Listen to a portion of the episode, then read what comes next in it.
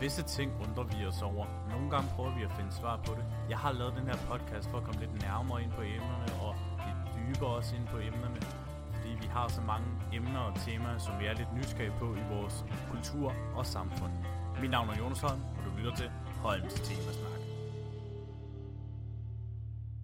Holms Temasnak er i samarbejde med Sangen Man Husker, skrivningen af festsangen, bryllupssangen, konfirmationssangen, digte, taler fra det øverste hylde. For at få mere informationer, kontakt sangen man husker, snabelag, gmail.com. Velkommen til podcasten Holms Temasnak, en podcast, som altid tager nogle emner og temaer op, som vi er lidt nysgerrige på i vores kultur og samfund. Lid som fodboldspiller. Hvorfor gider man at sparke til en bold sammen med 22 andre på en fodboldbane? Hvor meget skal der til for at opnå sin mål i en fodboldkarriere? Hvor vigtigt er det, at man træner op til en kamp? Og hvordan er spillet på banen, fællesskabet og kulturen i en fodboldklub? Disse spørgsmål vil jeg prøve at finde svar på med min gæst i den her episode.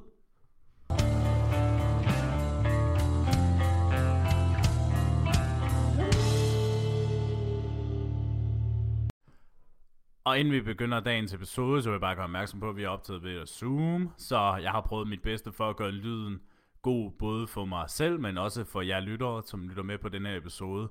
Øh, Danny han boede omkring meget langt væk fra, hvor jeg bor i mærkelige Slagelse selvfølgelig, og ja, Danny han bor omkring ved Herning, synes jeg, jeg mindes om det var. Men ikke nok med det.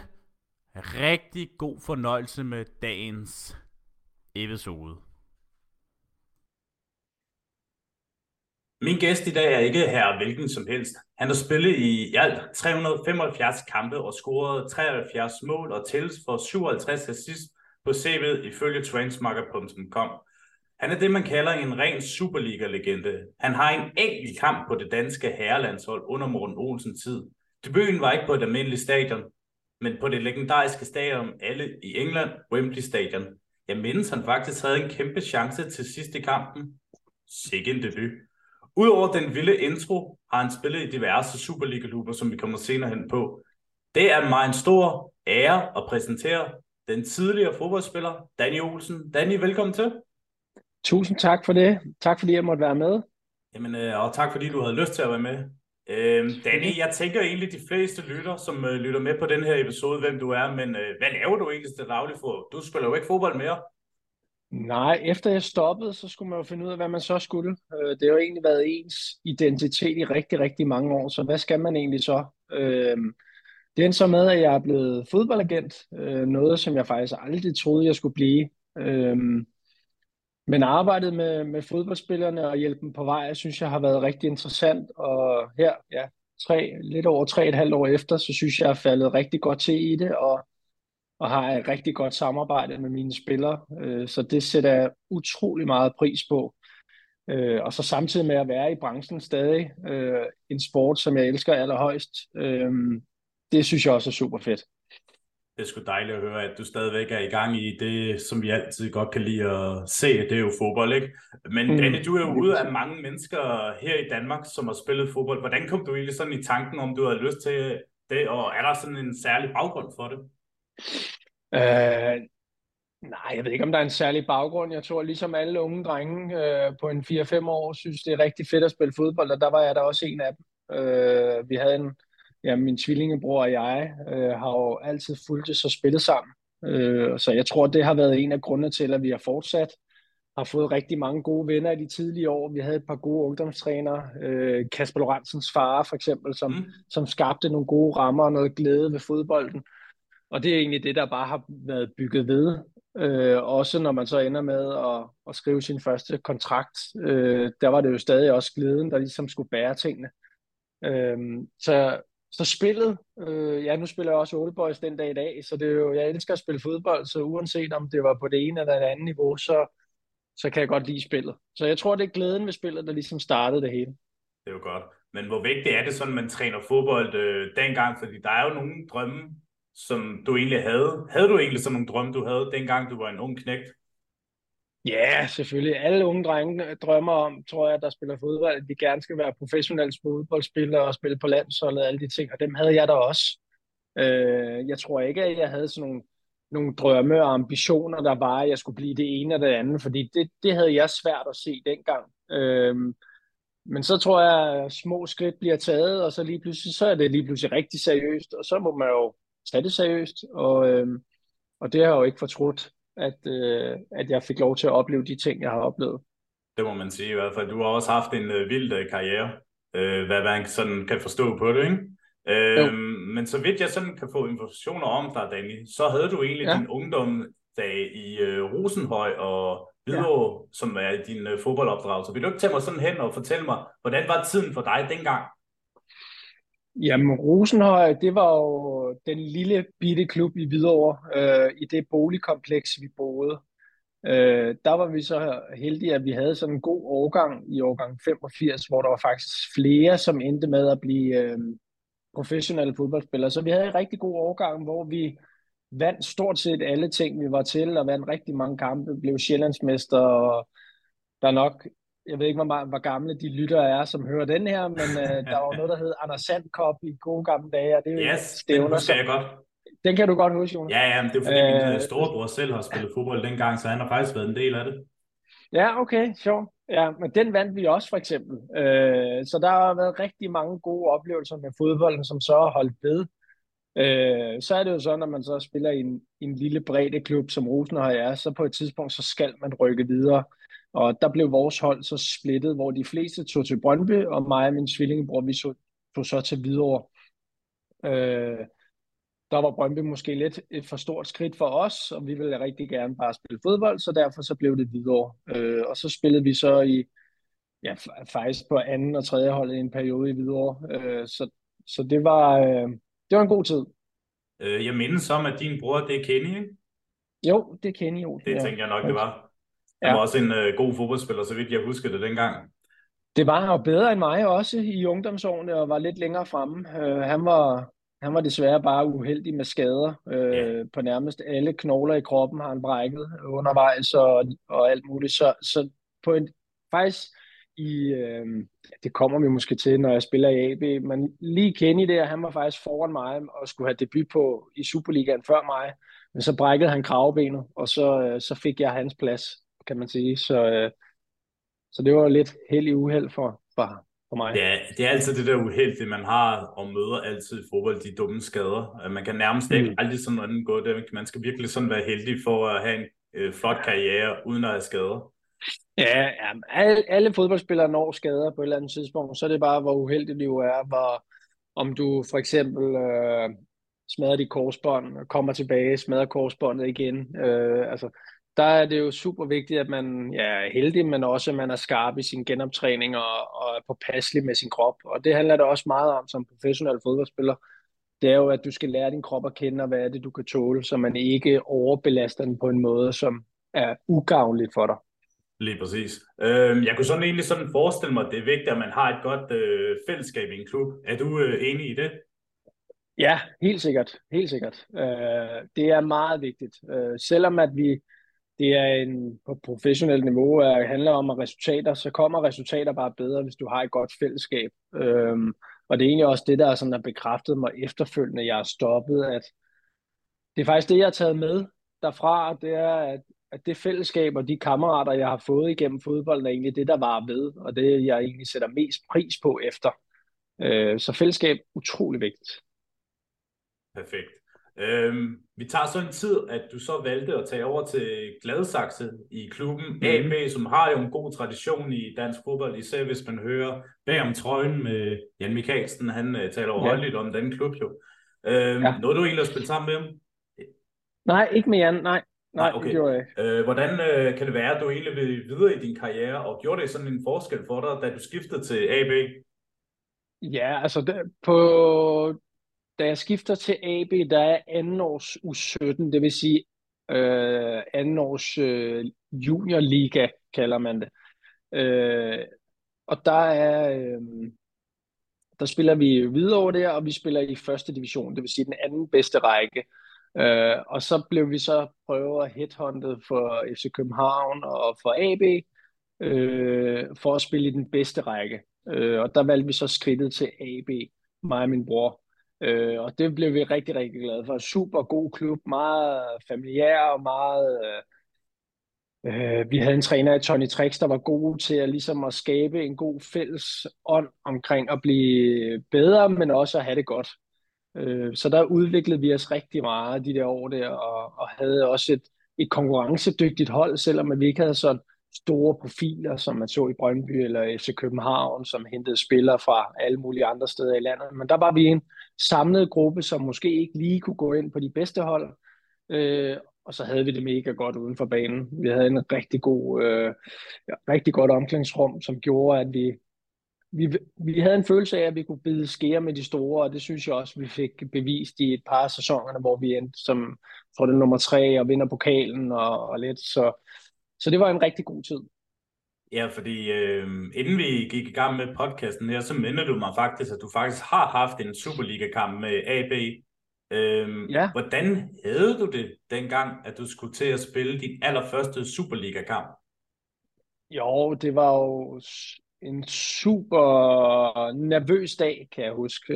Vi skal, jeg tror, jeg er 18 år på det tidspunkt, og vi skal spille i frem med AB øh, til min debutkamp. Øh, AB ligger i bunden af rækken og kæmper for overlevelse, og, og jeg skal ind og have min første kamp på, på Valby Idrætspark. Øh, vi ender så med at vinde kampen 2-1, og jeg får en, jeg kan ikke huske, om det er en 10-15 minutter eller sådan noget. Men det var en rigtig fed oplevelse, og vi endte med at vinde kampen. Ikke? Så, øh, så det var fedt, og det endte så også med, at, at med de præstationer, jeg tror det er i kamp 3, der skal vi spille i parken. Øh, så det var jo en rigtig fed oplevelse at få lov til at spille i parken som 18-årig, og det var egentlig der, hvor man ligesom kunne mærke, at det vil jeg gerne mere af. Altså at få de oplevelser. Øhm, ender så med at spille et halvt års tid øh, i foråret, inden AB rykker ned og spiller en 11 kampe, tror jeg. Øh, og så rykker vi så i første division, og så spiller jeg så der i halvanden år i første division med AB.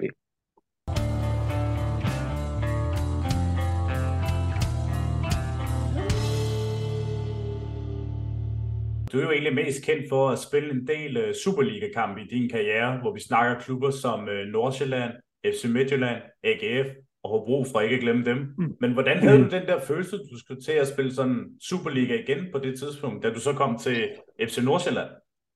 Ja, men at spille halvanden år i første division, det var jo rigtig givende for mig. Det var en periode, hvor at jeg havde fuldtidsarbejde ved siden af og spillede fodbold. Øh, og så endte det jo faktisk med, at AB ikke ville forlænge min kontrakt. Øh, de synes ikke, at jeg var god nok. Øh, så jeg var faktisk til prøvetræning i Nordsjælland i fem dage, for ligesom at prøve at overbevise dem. Øh, det gav min chef mig lov til på, på mit arbejde, jeg lige fik lov til at træne nogle formiddage. Øh, og det var Nordsjælland heldigvis glad for at se, så, øh, så de valgte så at lave en kontrakt øh, til mig. Øh, så så at gå for AB ikke vil skrive kontrakt med mig til at have en fuldtidskontrakt i FC Nordsjælland, det var ret vildt. Øh, og så var det faktisk derfra, at tingene begyndte at gå rigtig stærkt. Altså hvis vi var sådan en tid i dag, så ville det der være urealistisk. Det er jo helt vildt at tænke på, at du tager skridtet og tager en trænings, øh, prøvetræning i en Superliga-klub, mm. og så får du en kontrakt. Det, det kommer du aldrig ja. til at se i dag. Der er det, det er nok det, vejen nedad. Det er, det er rigtig svært øh, at kunne gøre igen, helt sikkert. Øh, nu er jeg jo selv agent i dag, og øh, at få en af mine spillere, for eksempel, der ikke kan få kontrakt i første division, og give dem en prøvetræning i Superligaen, den er nok lidt svær. Øh, så, så jo, øh, jeg var heldig, at min stefar han havde en god relation til John Bredal, som var assistenttræner på det tidspunkt i Nordsjælland. Øh, så, øh, så jo, lidt gode relationer var det fra min stefars side, der ligesom gav mig muligheden. Ja, øh, efter en super tid, du havde i Nordsjælland, som egentlig ikke var så lang tid, så endte du jo faktisk med at skifte over til det midtjyske FC Midtjylland. Kunne du egentlig sådan mm. mærke på det tidspunkt øh, kulturskiftet fra at gå fra Nordsjælland og så til Midtjylland? Ja, det kunne jeg helt sikkert. Det, Nordsjælland var øh, på det tidspunkt en lille klub, øh, som som den dag i dag stadig øh, satser på talentudvikling. Men at gå til en voksenklub, som selvfølgelig heller ikke er særlig gammel, men der var bare nogle andre ambitioner øh, i en klub som Midtjylland. Man vil gerne lege med de store, man vil gerne spille medaljer, vinde mesterskaber. Øh, så var der alt det uden for banen med at flytte hjemmefra. Øh, nu boede jeg godt nok med min med min kone på det tidspunkt. Vi var kærester dengang, men da vi boede der sammen på Amager og skulle flytte hele vejen til Jylland væk fra alle vores venner og familie.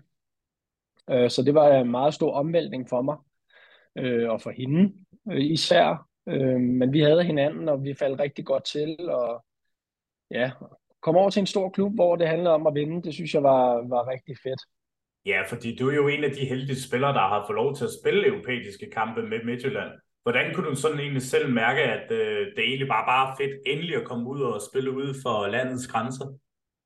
Jo, men det er jo, det er jo super fedt at få lov til at tage sit øh, klubtøj på og sætte sig ind i en flyver og rejse øh, forskellige steder, hvor jeg nu har været i Rusland og til Island og England og alle mulige steder. Og det er jo, det er jo super fedt at få nogle oplevelser. Øh, spille nogle, på nogle andre stadion, spille mod nogen, man ikke kan forstå, hvad de siger. Øh, så det er jo rigtig fede oplevelser, som man får i det europæiske fodbold. Nu har jeg ikke spillet så mange igen, men øh, bare det, jeg får lov til at opleve, der har været fedt.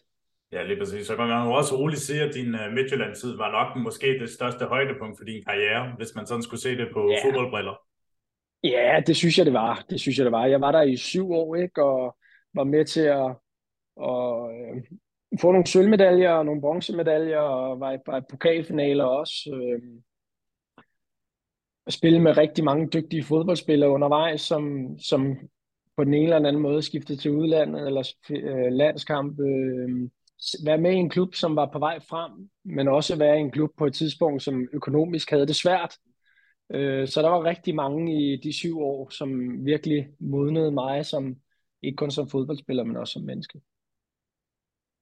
Du tager jo et meget interessant, altså du får jo egentlig en interessant øh, 2014, fordi det skal jo en meget spændende tid for dig, Danny. Du vælger jo mm. at skifte til AGF, som måske i mange øjne er en smule rivaler til Midtjylland, men som ikke har snakket om, at Viborg nok er mere større, men mm. hvorfor, hvorfor, hvorfor var det, det, du tog det skifte, når du egentlig havde en god tid i Midtjylland? Ja, men det var, det var jeg tror, det blev et, øh, et spørgsmål om dårlig timing. Øh, på det tidspunkt, øh, Midtjylland har de økonomiske problemer, øh, og kan ikke tilbyde mig en kontrakt på det tidspunkt, hvor, hvor de skal. Øh, og så kommer AGF, som er jo en stor traditionsklub. Øh, og så tænkte jeg, nu har jeg været syv år et sted, så hvorfor ikke prøve noget nyt? Øh, så derfor så blev det AGF. Øh, min kone og to børn, øh, også skole øh, på det tidspunkt, øh, vil, vil egentlig gerne blive i Danmark egentlig i forhold til, til, til de ting. Øh, så det passede egentlig meget godt overens med, at, at det var et godt skifte til AGF. Øh, jeg var rigtig ked af, at jeg skulle forlade FC Midtjylland, og jeg er også sikker på, at den dag i dag var de der også ked af, at jeg skulle forlade dem på det tidspunkt, jeg gjorde. Øh, men det var også, det var også øh, interessant at prøve noget nyt. Det kan jeg godt forestille mig, udover at øh, det nok øh, halvår i AGF ikke lige var så... Nok ikke lige var så godt. Det kunne du så takke øh, Vestjylland for, som jeg holdt ja. med dengang, fordi ja. jeg Slagelse. Så... Nå, okay. Ja, men Jonas, det, jo, det var, da, det var da et hårdt halvår, øh, vi havde det i foråret, hvor jeg kom til, hvor at, ikke kun skader, men at, at vi også tabte en rigtig mange kampe og endte med at rykke ned. Det, det var selvfølgelig ikke lige det, jeg havde håbet på, da jeg skiftede til AGF. Jeg synes egentlig, at vores hold var godt, øh, men der var desværre bare for nogle skeletter i skæbne, der ligesom var svære ligesom at komme af med, og vi røg ind i en dårlig cyklus, og så, ja, så rykkede vi ned. Men, men inden vi lige sådan kommer videre til det næste, er det ikke også bare sådan, når man kommer til Aarhus, når man kommer til AGF, at presset kan være lidt større, fordi det er jo nok Danmarks næststørste by. Jo, men det er, det er et specielt pres, det er at spille i AGF. Øh, ikke fordi, at øh, jeg synes, det er større, end det er i FC Midtjylland, fordi der man, vil man rigtig gerne vinde og spiller om at vinde mesterskaber og vinde medaljer, og det gør man jo, vil man jo også gerne i AGF, men det, det var jo ikke det, der var målsætning eller noget. Det her var det overlevelse. Men det er bare en stor klub, øh, og vi starter jo egentlig også super godt i det forår, og vinder i, i Randers og vinder i, i Sønderjyske, kan jeg huske. Og så gik det desværre bare ned ad bakke derfra. Øhm, hjalp heller ikke selvfølgelig, at, at, at jeg var skadet og nogle andre også, men øh, det er jo en del af fodbold. Det er jo lige det. Men for at komme til lidt det positive det år, så den 5. marts 2014, så får du debut på landsholdet. Hvordan havde du, fik du den følelse, at du skulle på landsholdet, og så en dag i England, mod England? Mm.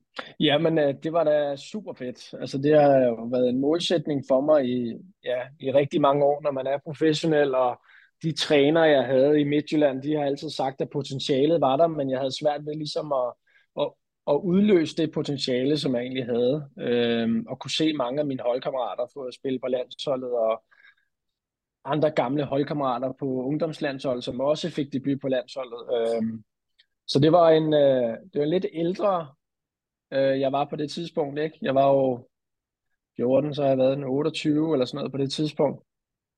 Øh, så det var lidt sent, men det var en fed oplevelse, helt vildt fed oplevelse at spille på Wembley og, og sidde i omklædningsrum med, med Bentner og Kasper Schmeichel og alle dem, som, som øh, var store profiler dengang. Øh, så jo, det, det er da noget, jeg stadig sætter meget pris på, at jeg nåede at, at få en enkelt kamp. Men jeg ikke, du også havde en kæmpe chance i kampen? Øh, jeg vil ikke sige en kæmpe chance. Øh, jeg vil sige, at jeg havde en god afslutning. Øh, så det var ikke ja, okay. en, øh, en 100% chance, men jeg var der tæt på at score, og også tæt på at, at lave en assist til, øh, til Arker også, øh, kan jeg huske. Så, så det var nogle gode minutter, jeg synes selv, jeg fik på, på banen dengang. Ja, så synes jeg egentlig, det er også en godkendt debut, uanset øh, hvad man egentlig tænker på resultatet. Ja, vi tabte 1-0, og Morten Olsen var lidt træt af, at øh, jeg, jeg, øh, at jeg hoppede på en skudfinde ude på siden, så jeg tror, det var, var det Lallana, der lavede indlæg til dem, der scorede, så det, det ja, hørte det jeg i hvert efter kampen. Det hørte jeg efter kampen i hvert fald, at Morten han ikke var helt tilfreds på, på skudfinden. Så det har jeg lært efterfølgende, at jeg ikke hopper på skudfinden mere. Men hvordan fik du egentlig sådan at vide, at du skulle øh, på landsholdet? Hvordan får man sådan en opkald? Øh, eller får man det at vide med fra sin agent? Eller? Øh, jamen dengang, der var det faktisk Glenn Ridersholm, der stadig var træner i Midtjylland, der ringede til mig, at øh, jeg tror det var i januar måned, tror jeg det er faktisk første gang, hvor han har fået øh, nys om, at jeg nok bliver udtaget til landsholdet for mine præstationer i Midtjylland. Øh, jeg havde jo også mit sidste halvår i Midtjylland er jo det bedste fodboldhalvår, jeg nogensinde har haft. Øh, hvor at, øh, jeg ikke kun spiller godt, men holdet FC Midtjylland spiller godt, og vi ligger nummer et, da jeg skifter til AGF. Øh, så, jeg, så jeg hørte det fra Glenn i, i en god tid før, men at så få meldingen, øh, det var jo selvfølgelig en stor dag, og det var ikke nogen opringning fra Morten Olsen eller noget, det var egentlig, at jeg fulgte den på skærmen, ligesom alle andre. Okay, Ja. Det, det er sjovt, der er altid sådan nogle historier, der kører. Enten ser man det på skærmen, eller så hører man fra andre, at man er udtaget. Ja. Ja, men jeg tror egentlig, det er lidt, lidt forskelligt fra landstræner til landstræner, øh, hvordan de gør det. Øh, det var ikke, fordi jeg havde noget behov for, at Morten han skulle ringe til mig. Øh, jeg måtte bare sidde spændt til at se, om mit navn det dukkede op, øh, og det, det gjorde det så, og så kort tid efter kom indkaldelsen på mail, så, øh, så det var, det, var, det var en god dag, og så var der jo selvfølgelig en masse medie på det efterfølgende, ikke? Som, øh, når man bliver udtaget for første gang. Så, øh, så det var nogle spændende dage, jeg var igennem.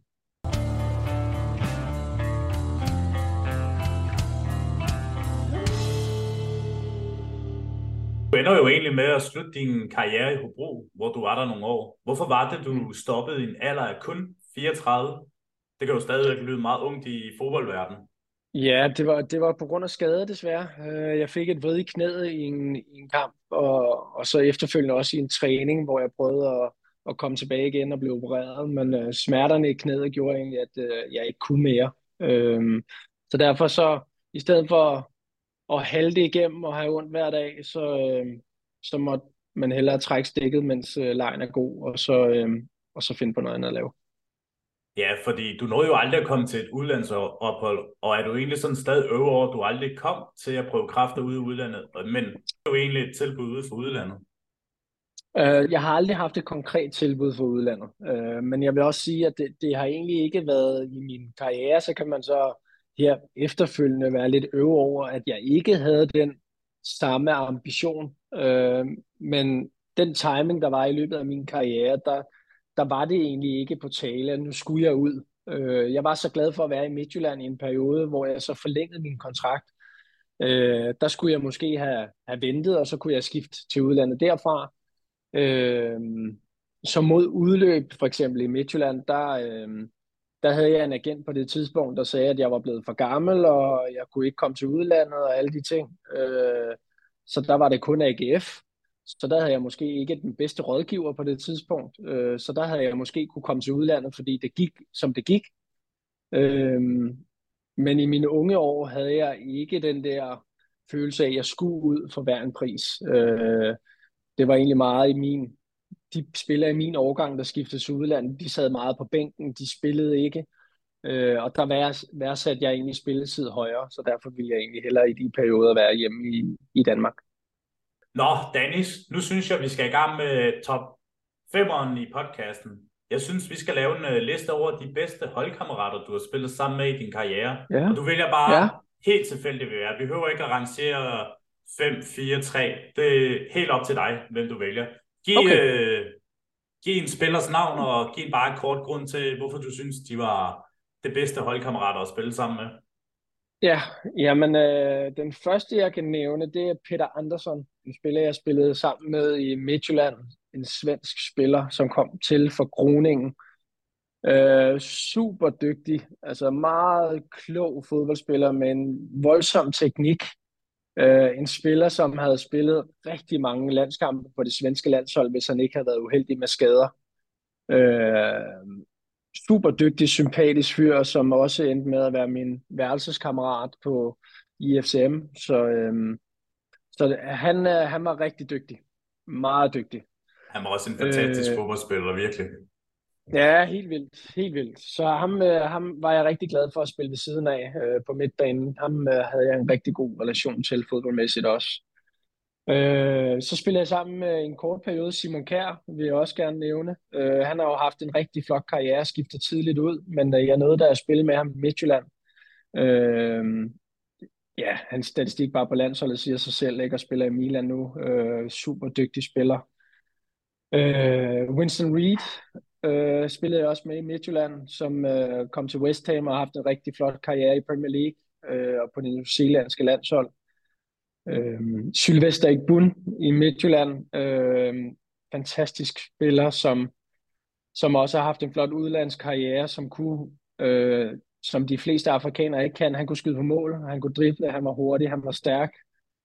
Øh, ham har jeg lavet rigtig mange assist til. Øh, så har jeg spillet rigtig mange kampe med Jonas Boring også, som egentlig kom til øh, Midtjylland øh, på et prisskilt, som er helt uhørt i dansk fodbold på det tidspunkt.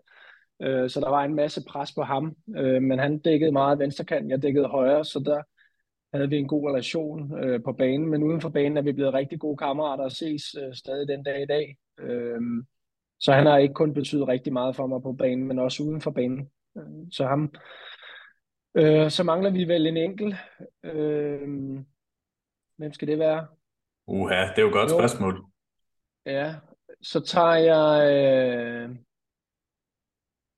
Ej, så tager jeg... Jeg tager Christian Bakbak, tager jeg. Øh, der, var, der er mange i spil egentlig. Jeg kunne egentlig lave en liste på en 20-30 spiller, tror jeg. Christian Bakbak øh, var i øh, FC Midtjylland, da jeg kom til. Øh, var anfører på det tidspunkt. Øh, som ung. Øh, tog sig rigtig godt af mig, og og, og Anna på det tidspunkt. Øh, han tager så til, til Holland og kommer tilbage igen. Øh, og er en stor del af min karriere i, i Midtjylland som min anfører, og ikke kun på banen, men også uden for banen har vi rigtig meget sammen med hans familie og hans børn og mine børn. Øh, og den dag i dag har vi også gode stunder sammen, ikke kun til vores legendariske julefrokoster, men også i andre henseender. Og nu er vi så også kollegaer ved, han er blevet assisterende sportschef i Midtjylland, så nu har vi også med min virke som agent også forhandlinger, hvor bølgerne kan gå lidt højt en gang imellem, og vi er alle uvenner. øh, men, øh, men så når, når tingene er på plads, så, så er vi gode kammerater igen. Øh, så det må være de fem, og alle fem, som, som jeg spillede sammen med i min periode i Midtjylland. Jeg synes, det er en meget lækker liste med lækker navn, der er på, og som også har været frembrændende fodboldspillere igennem tiden. Ja, vi kunne, jo, vi kunne lave et meget godt indendørshold, hvis man lige fjernede Ja, det synes jeg også. Han var ikke så gode venner med bolden, men han var prøvelstærk. Hvem af dem skulle så spille flyvende målmand så? Uh, jamen, det må være Christian Bak, fordi han, uh, han er slet ikke bange for bolden, ligesom jeg er, så det kunne godt være ham.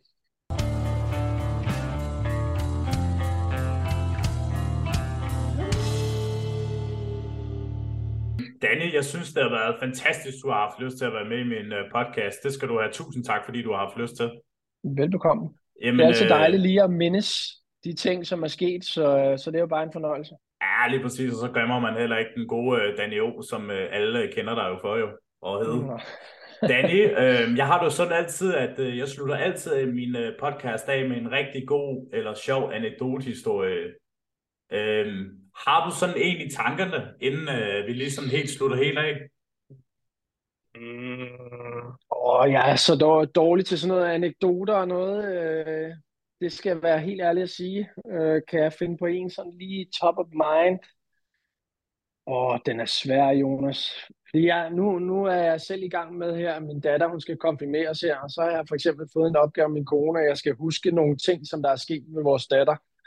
Øh, nogle anekdoter, som vi kan bruge. Øh, og der er jeg også bare selv på overarbejde. Øh, fordi at øh, jeg er sådan en person, der lever meget i nuet, mm. øh, og har sådan lidt svært ved at, at tænke tilbage på nogle ting. Øh, altså det men, kan selvfølgelig øh, jo, være relateret til dig. Ja, selvfølgelig. Øh, jo, jeg har da en meget sjov anekdote. Øh, vi, øh, ja, jeg ved ikke, om den er sjov, men øh, nu får du den her i hvert fald. Vi spiller i Manchester, øh, og vi, øh, vi sidder på det, er egentlig det hele omkring kampen, som jeg synes er meget sjov, fordi at vi skal jo spille mod Manchester City, og vi skal spille i Manchester, øh, og vi har vores, vores øh, taktikmøde om formiddagen. Øh, Thomas Berg, han øh, viser et avisudklip, at de har har scoutet lidt på os, FC Midtjylland. Vi er jo en meget lille klub, der kommer til England og skal spille mod det store hold der. Der er så to spillere, der bliver nævnt i den artikel. Den ene er mig, og den anden er Winston Reed. Øh, at de skal holde øje med os to. Og det er jo meget sjovt. Vi kommer så til kampen, og kampen, ja, vi ender jo med at vinde 1-0, og jeg scorer. Øh, men det, der sådan meget sigende for, at vi var en lille klub, det var jo egentlig, at de fleste af spillerne havde mere travlt med, at vi skulle bytte trøjer med folk. Øh, så kampen er lige fløjtet af. Og så Winston Reed, som normalt, eller ender jo med at blive en stor Premier League-spiller, og han tonser for sit eget felt, helt op i det andet felt, for at bytte trøje med Mika Richards. Okay. Og det er sådan helt, og han var jo mega sur. Mika Richards, over at de havde tabt til et lille puthold som, som FC Midtjylland. Men det siger bare noget om, at fodboldspillere vil rigtig gerne vinde, og de vil rigtig gerne spille mod de store hold, men mange fodboldspillere ender faktisk med at være rigtig benådet over, når man spiller mod de gode. Så hvis jeg havde spillet mod Cristiano Ronaldo for eksempel, så havde jeg nok også løbet efter hans trøje. Det er jo forståeligt nok, når man lige pludselig er blevet så starstruck over nogle spillere, man ikke lige sådan, du ved, forestiller sig at spille sig foran. Altså, det, og det er det samme, da jeg også spiller min, min landskamp der, ikke? Altså, at lige pludselig så står man og skal sige tak for kampen til Steven Gerrard og Wayne Rooney og Harry Kane, og, og det er jo, så bliver man lidt starstruck. Det gør man. Fik du egentlig byttet trøje med nogle af de der englænder? Jamen, jeg byttede med ham, der spillede over for mig, øh, Ben Haim. Ah, okay, det er okay navn.